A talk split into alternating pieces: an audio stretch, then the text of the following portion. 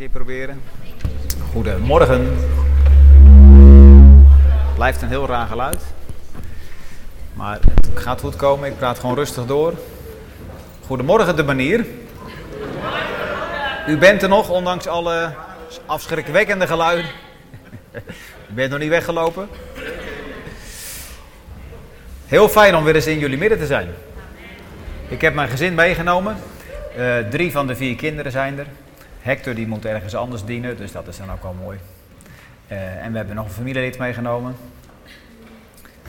Uh, ik tijdens de, het zingen van de liederen moest ik denken aan de apostel Paulus die op rondreis is de, langs de gemeentes die hij gesticht heeft. En dan gaat hij terug en dan overal waar hij komt, dan lees je, je leest dat een stuk of drie keer, dat, dat hij zegt, hij spoorde de broeders en zusters aan om bij de genade van God te blijven.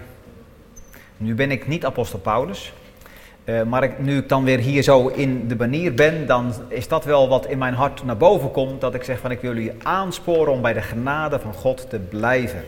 En ik zie dat ook en ik proef dat ook in de liederen die we met elkaar gezongen hebben, dat dat jullie hartewens is. Dus dat is heel mooi. Ik wil met jullie deze morgen gaan lezen uit het boek Daniel. Daniel 1. En dan gaat het over de periode van de ballingschap. Boven de preek die ik ga houden heb ik gezet leven in ballingschap. En als je uh, zelf uit een ander land komt, en je, dan ben je min of meer, zou je kunnen zeggen, een balling. Nu kan het heel verschillend zijn waarom dat je uh, hier bent. Maar ik besef me heel goed, uh, zeker nu ik hier ben, ik had een heel ander voorbeeld om het duidelijk te maken wat ballingschap inhoudt. Maar ik besef dat ik hier in een gemeenschap sta waar heel veel van onze uh, Javaans, Surinaamse broeders en zusters zijn. En u bent waarschijnlijk, hou me ten goede, maar de meeste van u zullen waarschijnlijk uh, vrijwillig naar Nederland zijn gekomen. Misschien vanaf 1975, ik weet niet precies, of later. maar als u een Javaan bent, dan bent u niet zomaar in Suriname gekomen. Dan bent u niet vrijwillig in Suriname gekomen. Misschien wel vrijwillig naar Nederland, maar niet vrijwillig naar Suriname. Nee, absoluut niet. Dus dat is een vorm van ballingschap. En misschien dat dat niet meer bij elke generatie nu zo leeft, maar wel bij uw voorgeslacht. Dat u een balling was, dat u meegenomen bent naar een heel ander land, kilometers ver weg, uh, tegen uw wil in. En dat u daarin met een andere taal, een andere cultuur, andere gewoonten dingen moest doen, uh, verplicht. En dat dat uh, totaal anders was dan, dan uw eigen leven in uw eigen moederland, uw thuisland of uw vaderland, kan ik beter zeggen. Nou, dat is een beetje wat er aan de hand is met het volk van Israël als we gaan lezen in het boek Daniel. Dus velen van u kunnen zich, denk ik, daar nog veel meer bij voorstellen dan ik.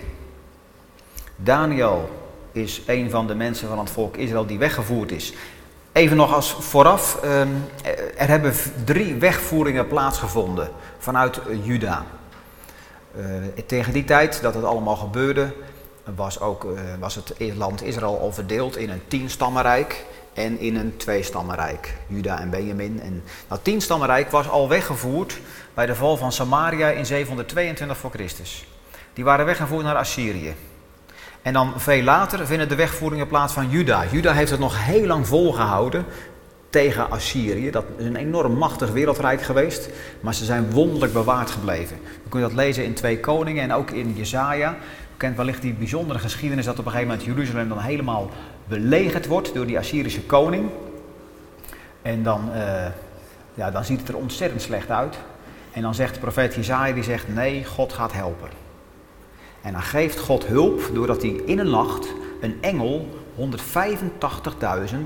uh, van die Assyrische soldaten laat ombrengen, laat doden. Of dat doet die engel. Dat is een enorme wonderlijke verlossing. Maar daar houdt het niet mee op.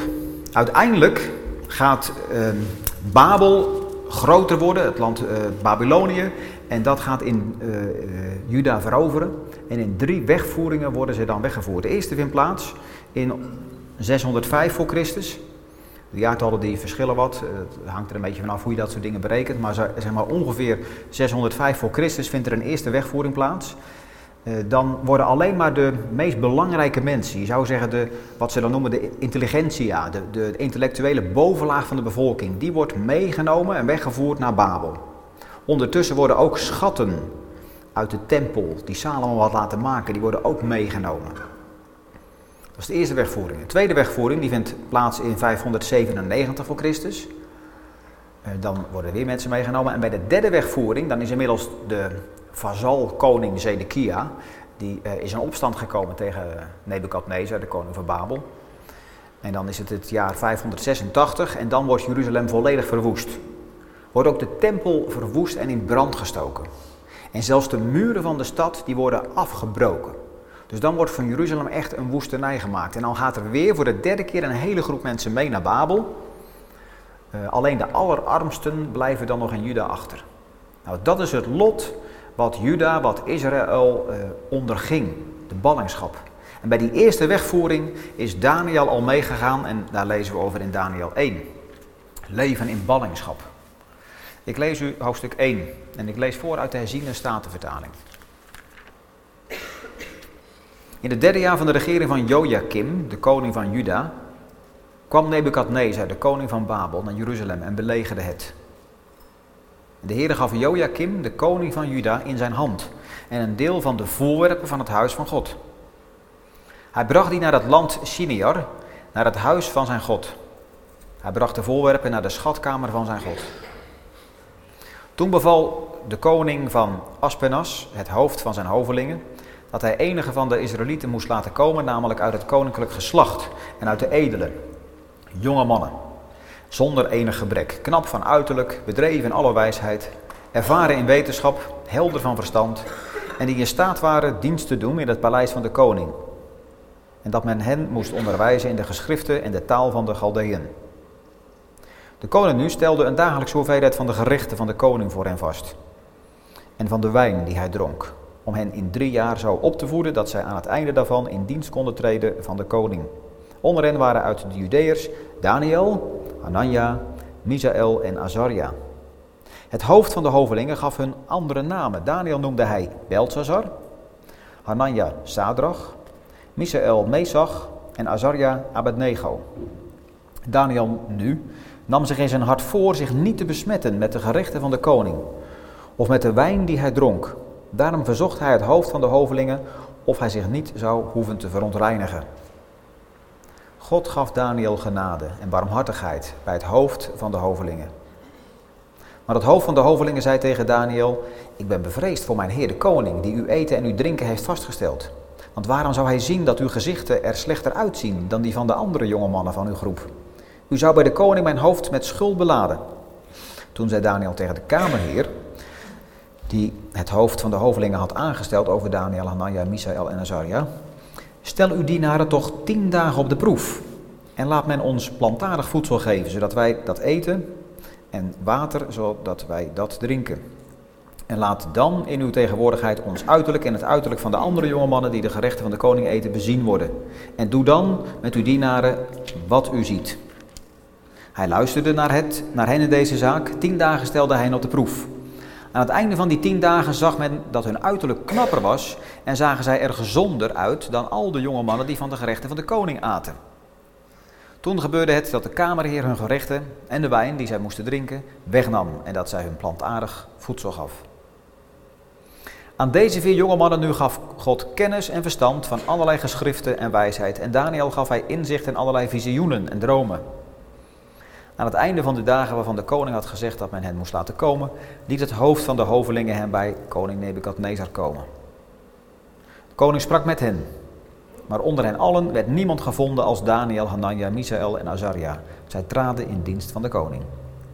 In alle zaken waar het aankomt op een wijs inzicht waarover de koning hen ondervroeg, vond hij hen tienmaal beter dan alle magiërs en bezweerders die er in heel zijn koninkrijk waren.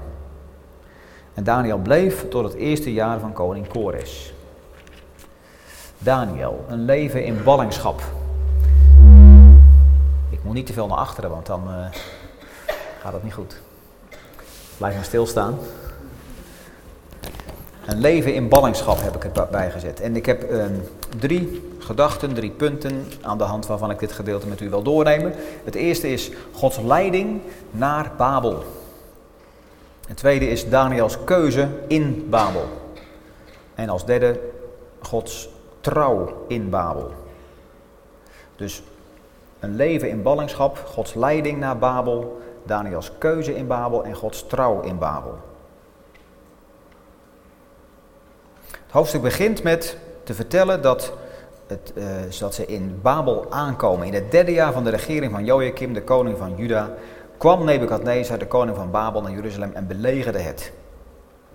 En dan, heb ik al verteld, dan wordt Jeruzalem ingenomen en dan worden deze mensen, of een deel van deze mensen, waaronder Daniel, worden gebracht naar Babel. Je kan je voorstellen, een beetje misschien, wat dat met het volk Israël heeft gedaan. Zij die eens verlost waren uit Egypte, die eens uit een ballingschap waren gekomen, die gaan nu opnieuw in een ballingschap. Hoe kan dit? Waar is God? Dat moet hun vraag geweest zijn. Waar is God? In Isaiah 49 staat een, tekst in die zegt: Sion zegt echter: De Heer heeft mij verlaten, de Heer heeft mij vergeten. Nou, is dit niet wat in het hart van de Israëlieten geleefd zal hebben? De Heer heeft ons verlaten. We staan er vanaf nu alleen voor.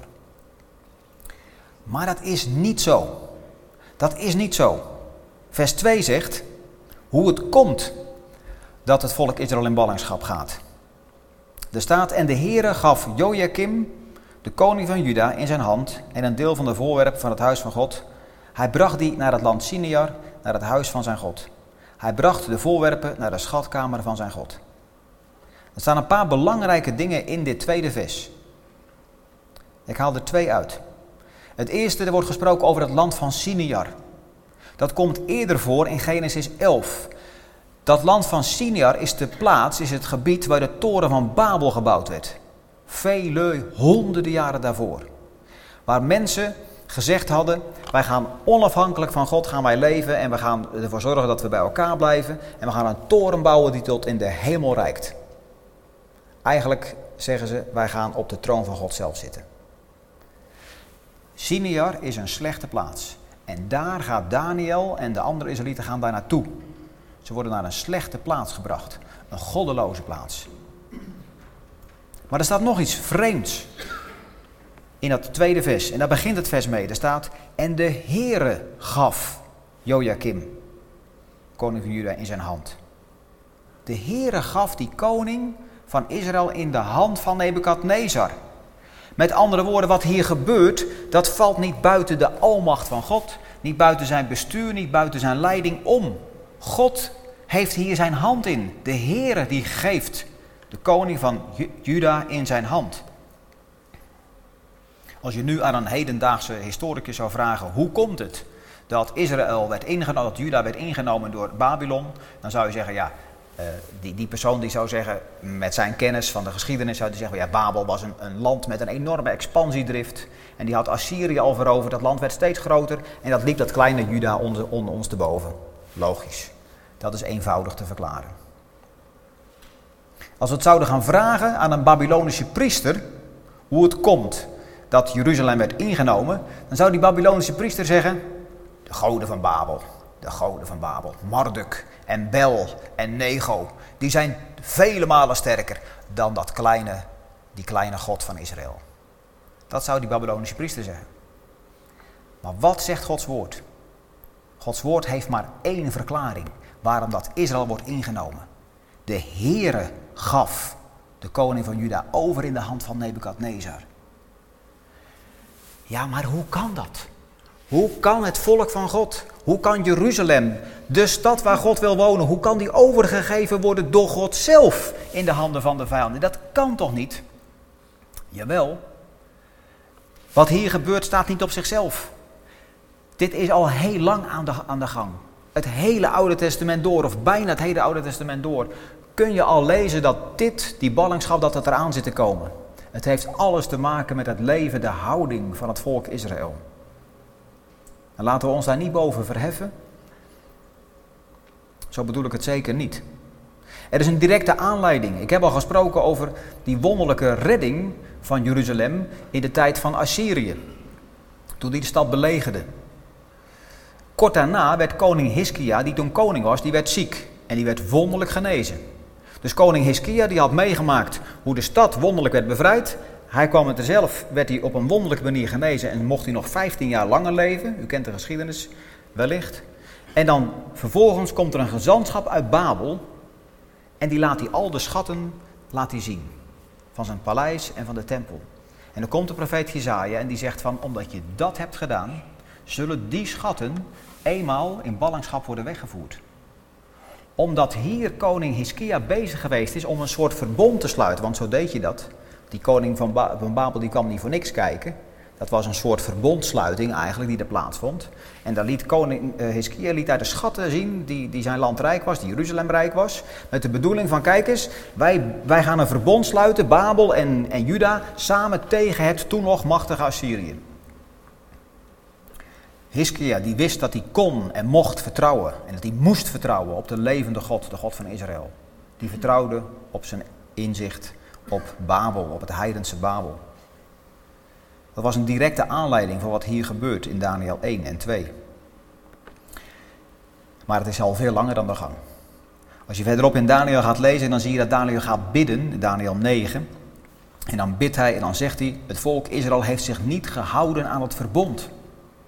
Het is ongehoorzaam geweest, het heeft andere goden uitgekozen. Het heeft de profeten uh, niet, heeft niet naar geluisterd, maar de oren dichtgestopt. Ze heeft de profeten gedood. We zijn van u afgeweken. En als je helemaal teruggaat in het Oude Testament, dan lees je in Deuteronomium 28, 29, 30, daar lees je dat God opnieuw een verbond sluit met het volk Israël. En dat hij zegt, als jullie in mijn wegen zullen gaan, als je met mij wandelt, dan zal ik jullie God zijn.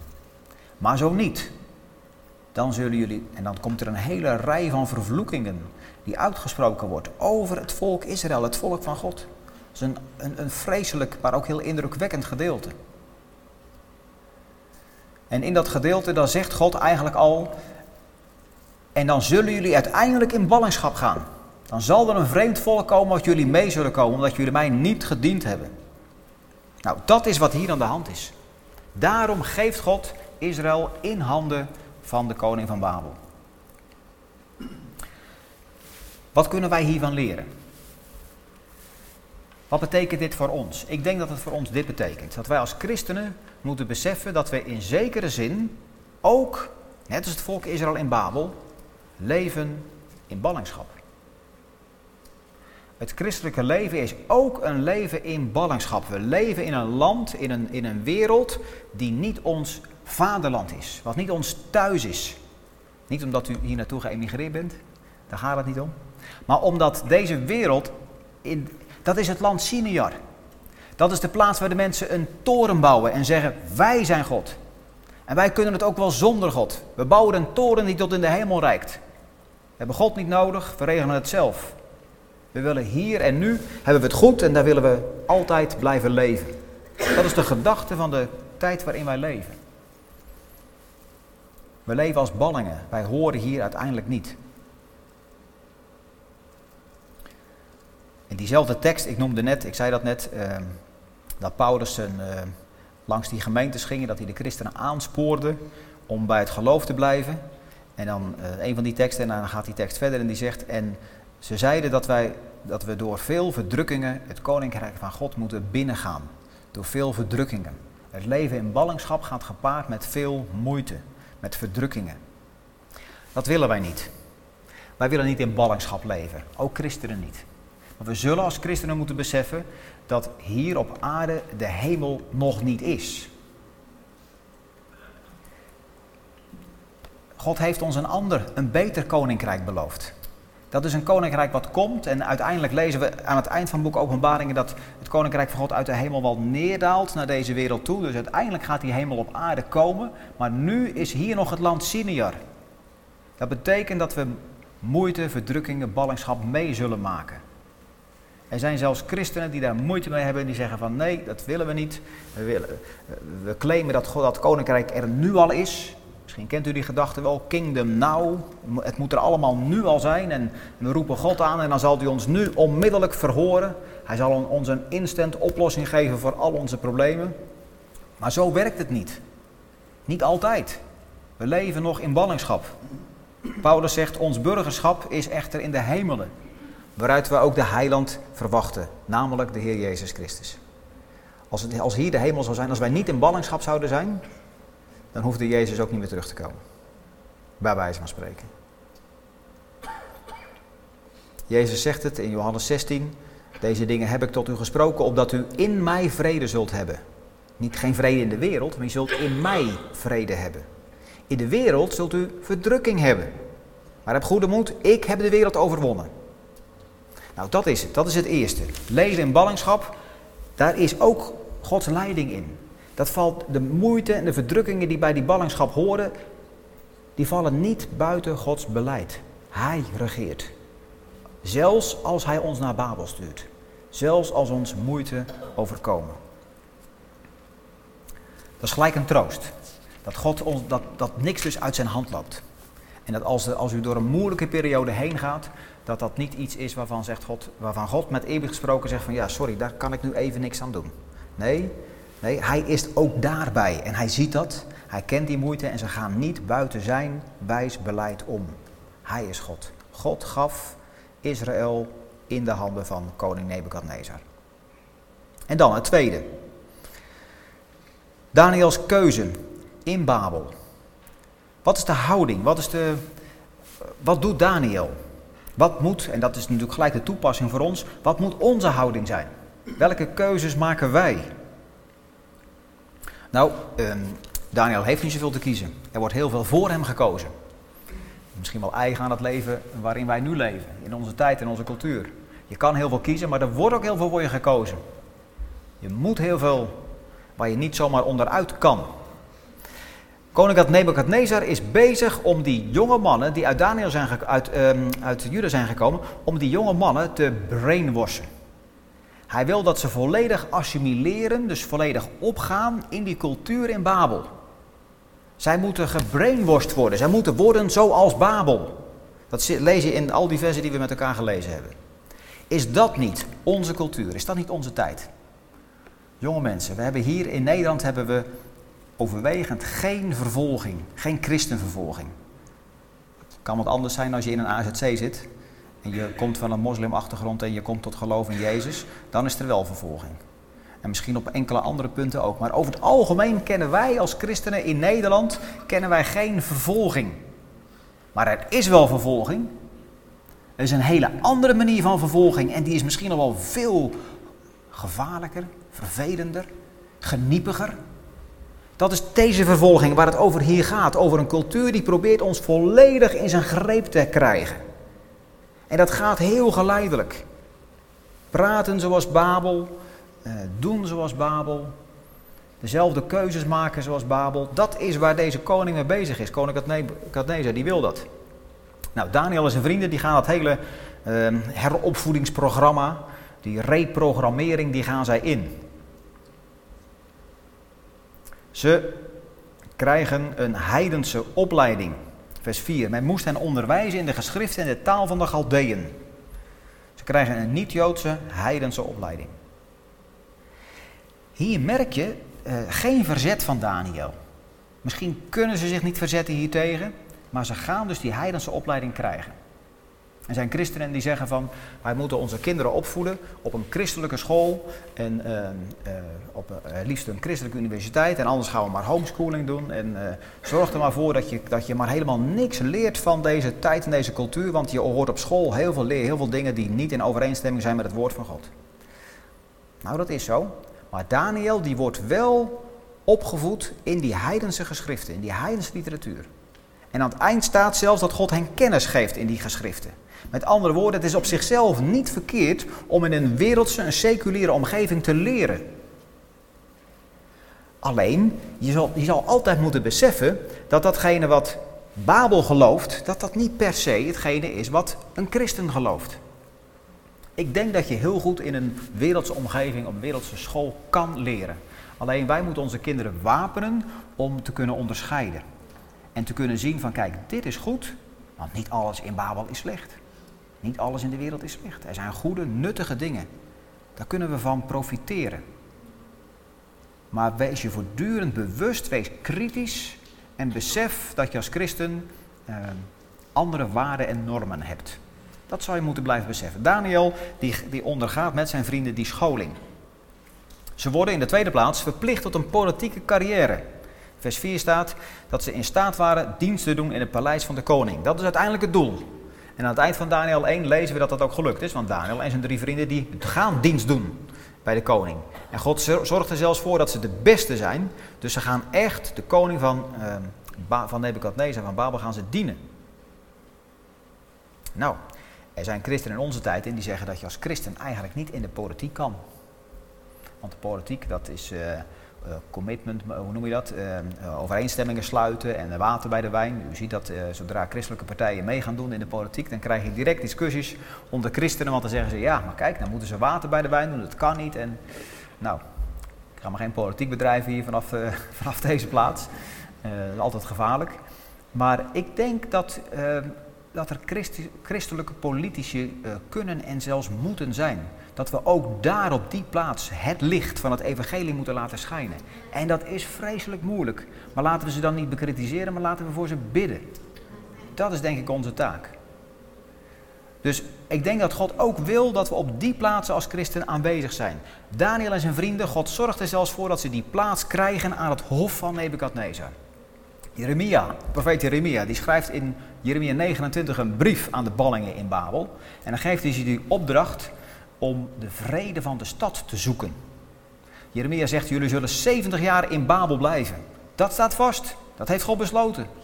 Je zal 70 jaar in Babel blijven. En al die tijd zal je moeten zoeken naar wat goed is voor de stad zelf. Wij als christenen, we leven in ballingschap in deze wereld. Maar daardoor hoeven we geen muren op te trekken en ons kan weer. Uh, we hoeven geen muren op te trekken en te denken van, uh, nou, eh, laten we de wereld maar heel ver buiten ons houden. Ik begrijp wel die gedachte erachter, een soort bescherming, maar je zal ook in de wereld moeten zijn. Jezus zegt in het hoge priesterlijke gebed, Vader, ik bid u dat, dat u hem bewaart in de wereld. Jezus zegt niet van, haalt u ze er maar heel snel uit. Soms hoor je christenen die willen dat, die willen het liefst gelijk maar vandaag opgenomen worden, dan zijn ze van heel die wereld af begrijp dat verlangen, maar God heeft ons nu hier geplaatst in Babel, in het land van Simiar. Laten we het welzijn van de mensen om ons heen, de welzijn van ons land, laten we dat zoeken. Dat mag. Het derde onderdeel van het uh, programma van Nebukadnezar is dat ze een nieuwe identiteit krijgen. Ze krijgen een nieuwe naam. Dit gaat heel ver. Ze krijgen nieuwe namen. En dan moet u weten wat die namen van Daniel en zijn vrienden betekenen. Daniel, El, El betekent God. God is rechter. God is mijn rechter, betekent Daniel. Hananja, Ja is van Ja, Yahweh, betekent ook God. Yahweh is genadig, God is genadig. Misael, er zit dan weer El in. Wie is als El? Wie is als God? Azarja, ja, Yahweh heeft geholpen. Dat zijn de namen van deze vier Hebreeuwse jonge mannen uit een adellijk geslacht. En dan krijgen ze nieuwe namen. Daniel die gaat Beltzazar heten. Beltzazar, mogen Bel hem beschermen. Een god van Babel. Hanania gaat Sadrach heten. Sadrach, het bevel van Aku. En Aku is de maangod van Babel. Misaël krijgt de naam Mesach. Wie is als Aku? Niet wie is als Yahweh, maar wie is als Aku? Een bewonderende uitroep, aanbidding. En Abednego, dienaar van Nego, de god van wijsheid en landbouw. Hier zelfs lees je niet dat ze zomaar 1, 2, 3 protesteren tegen die nieuwe naam. Maar ze zullen natuurlijk beseffen, ze zullen begrijpen uh, dat hun ware identiteit ligt in de God van Israël. Dus ze zullen gereageerd hebben op die nieuwe naam. Natuurlijk. Tot ze in nemen, zouden wij zeggen. Wat, wat betekent die naam? Nou, die naam betekent, betekende toen heel veel. Maar ze zullen gereageerd hebben op hun nieuwe naam, terwijl ze ondertussen innerlijk wisten dat hun oude naam nog steeds geldig was. En zo is het ook nu. Je, je, je, je hebt een bepaalde functie, een bepaalde plaats en positie in deze maatschappij, maar je weet ondertussen jouw positie als kind van God in het koninkrijk van God. Dat, dat, dat weet je. Ook al word je misschien op een hele andere manier aangesproken. En dan komt het vierde onderdeel. En daar protesteren Daniel en zijn vrienden. Het vierde onderdeel is, vers 5, dat ze, ehm, ja, dat ze deel moeten gaan krijgen aan, dat, aan de maaltijden. Die vanuit het paleis worden voorgeschoteld. En dan lezen we in vers 8. Daniel nu nam zich in zijn hart voor zich niet te besmetten met de gerechten van de koning of met de wijn die hij dronk. Daarna verzocht hij het hoofd van de hoveling of hij zich niet zou hoeven te verontreinigen.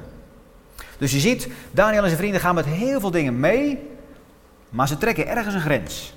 Ze willen niet meedoen met dat, met dat voedsel en de wijn van de koning. Waarom niet? Wat is er mis met het eten van de koning? Waarom weigeren ze de koninklijke maaltijdservice? Nadruk lijkt te liggen op niet te besmetten en niet hoeven te verontreinigen. Dat zijn een beetje rituele woorden voor uh, verontreiniging, voor reinheid. En één verklaring die gaat er dus op in en die zegt, uh, Daniel wilde met zijn vrienden kosher eten. Hij wilde eten volgens de voedselwetten van het Oude Testament. Volgens de wetten van Mozes, de wetten van God. Kosher eten. Want misschien aten ze hier wel varkensvlees. Dat zou zomaar kunnen. En daar wilden ze zich niet mee besmetten. Dat is een goede mogelijkheid. Probleem is wel die wijn. Hij wil ook geen wijn drinken. En volgens de wetten van Mozes mochten Joden wel wijn drinken. Alleen degenen die zich verbonden hadden aan een speciale Nazireërschap, de Nazireërs, die mochten geen alcohol drinken. Als ik een toepassing zou maken als een echte baptist, naar aanleiding van vers 8, dan zou ik zeggen van, zie je wel gemeente, je mag geen alcohol drinken. Zo gaat dat hè. Baptisten die zijn daar nogal, uh, of niet broeder, uh, broeder Willem, die zijn er nogal op tegen, geen alcohol drinken. Dat mag niet. In sommige landen, als je in Rusland zou komen bij de Russische baptisten, dan is het echt een, nou, uh, een soort doodzonde als je daar toch sterke drank zou drinken. Dat zou echt helemaal verkeerd zijn. Maar op grond van dit vers kan je dat niet zo 1, 2, 3 zeggen. Want verderop lezen we in Daniel 10 dat eh, Daniel gaat vasten en dan eet hij geen vlees en geen wijn staat. Hij drinkt geen wijn. Dus met andere woorden, hij heeft dat later weer wel gedaan. En hier niet. Dus die koosjere um, uh, maaltijd, die regels rondom dat eten, dat kan een reden zijn, maar er zijn meer mogelijkheden. Het kan ook zijn dat het voedsel wat geserveerd werd bij de koning van Nebukadnezar, dat dat eerst geofferd werd aan de goden. Dat is natuurlijk een bekend feit, hè? dat dat eerst aan de goden werd geofferd en dan werd het allerbeste aan de goden geofferd en dan werd het voorgezet aan de koning. De meeste verklaarders die ik daarop nageslagen heb, die zeggen van ja, dat kan, maar uiteindelijk eten ze wel granen en groenten, want ze krijgen een soort vegetarisch dieet. En dat werd zeer waarschijnlijk ook geofferd aan God voordat het naar deze mensen ging. Dus het kan zijn dat dit doorslaggevend is, maar we weten het niet zeker. Nog wat andere reden. Het kan ook heel goed zijn dat uh, Daniel hiermee een, een soort statement wilde maken. En wilde laten zien van kijk, wij zijn niet afhankelijk van de loyaliteit van koning Nebukadnezar.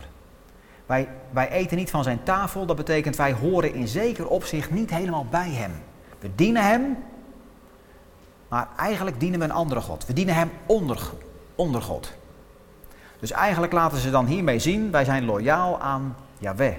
Wij zijn loyaal aan God. Wat precies de reden is, dat blijft een beetje vaag. Maar de toepassing die wij kunnen maken is denk ik deze. Je zal als christenen in deze tijd, in deze maatschappij, zal je ergens een streep moeten zetten. Je zal moeten zeggen van deze dingen doen we wel en die dingen doen we niet. En dat betekent niet altijd dat het ene per se uh, helemaal fout is. Of dat je een streep zet en zegt van jongens, uh, die streep die is heilig. Dat mogen we absoluut niet doen. Het gaat er niet om dat je wettisch wordt. Maar het gaat erom dat je laat zien dat je ten diepste bent toegewijd aan God. Dat moet ergens zichtbaar zijn voor jezelf. Moet dat voelbaar zijn. En het moet een getuigenis zijn voor de wereld om je heen. Ik, bij de voorbereiding las ik van één predikant en uh, die vond in, toen hij jong was, dacht hij dat hij op zondag niet mocht werken. Zondagsrust, dat is onder christenen is dat een, een, een, een thema, daar wordt verschillend over gedacht.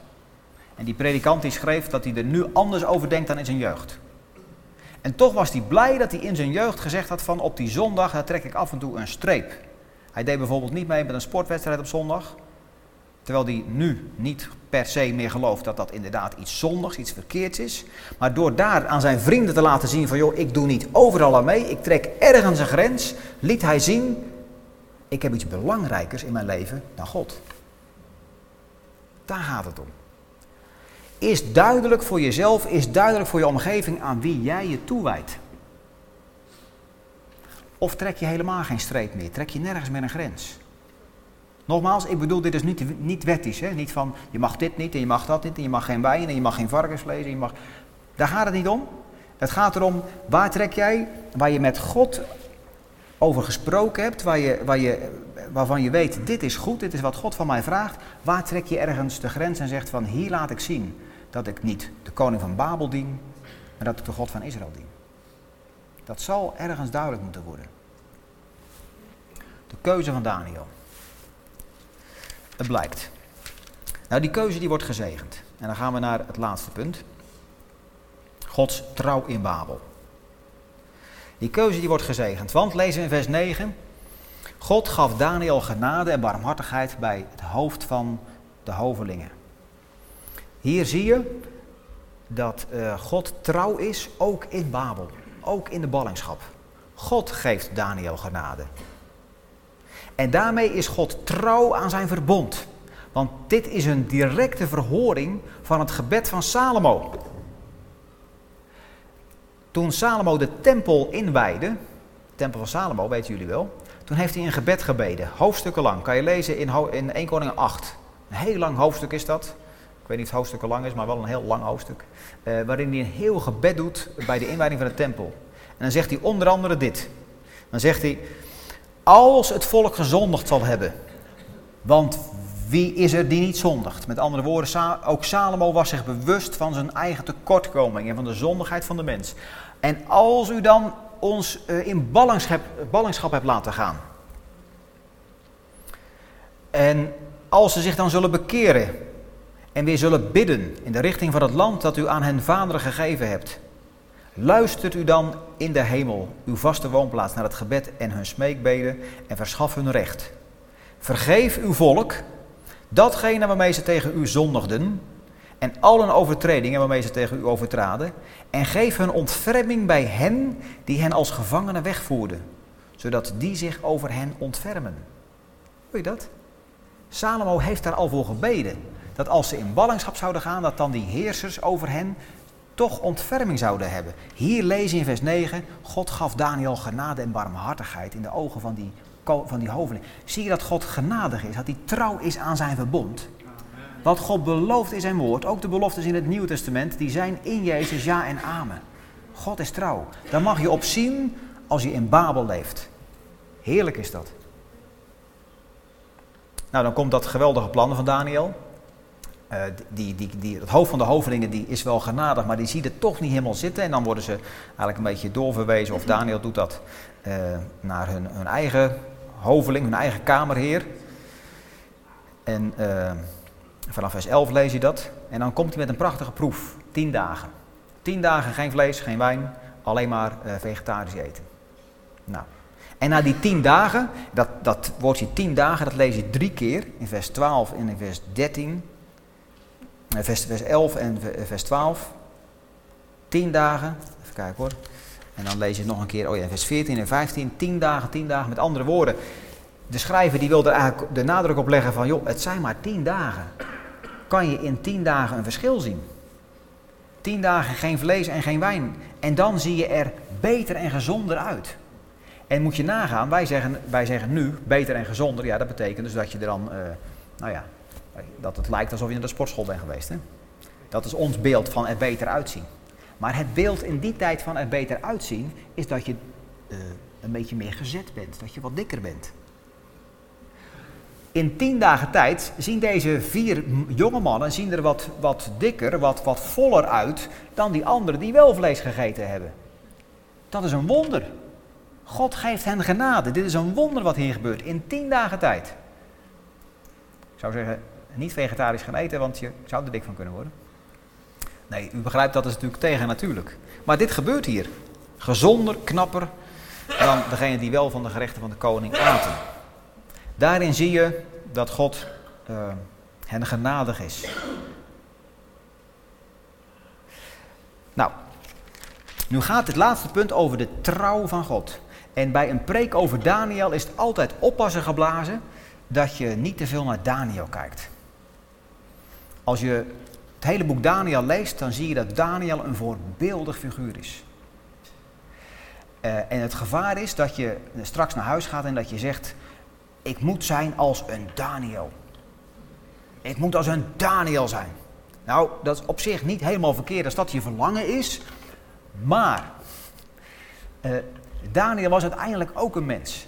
En als jij gaat, pro gaat proberen om in eigen kracht net zulke goede keuzes te maken als Daniel, dan mis je de brandstof die je nodig hebt om als christen echt te leven. De echte brandstof, de echte motivatie, dat is de trouw van God. De trouw van God.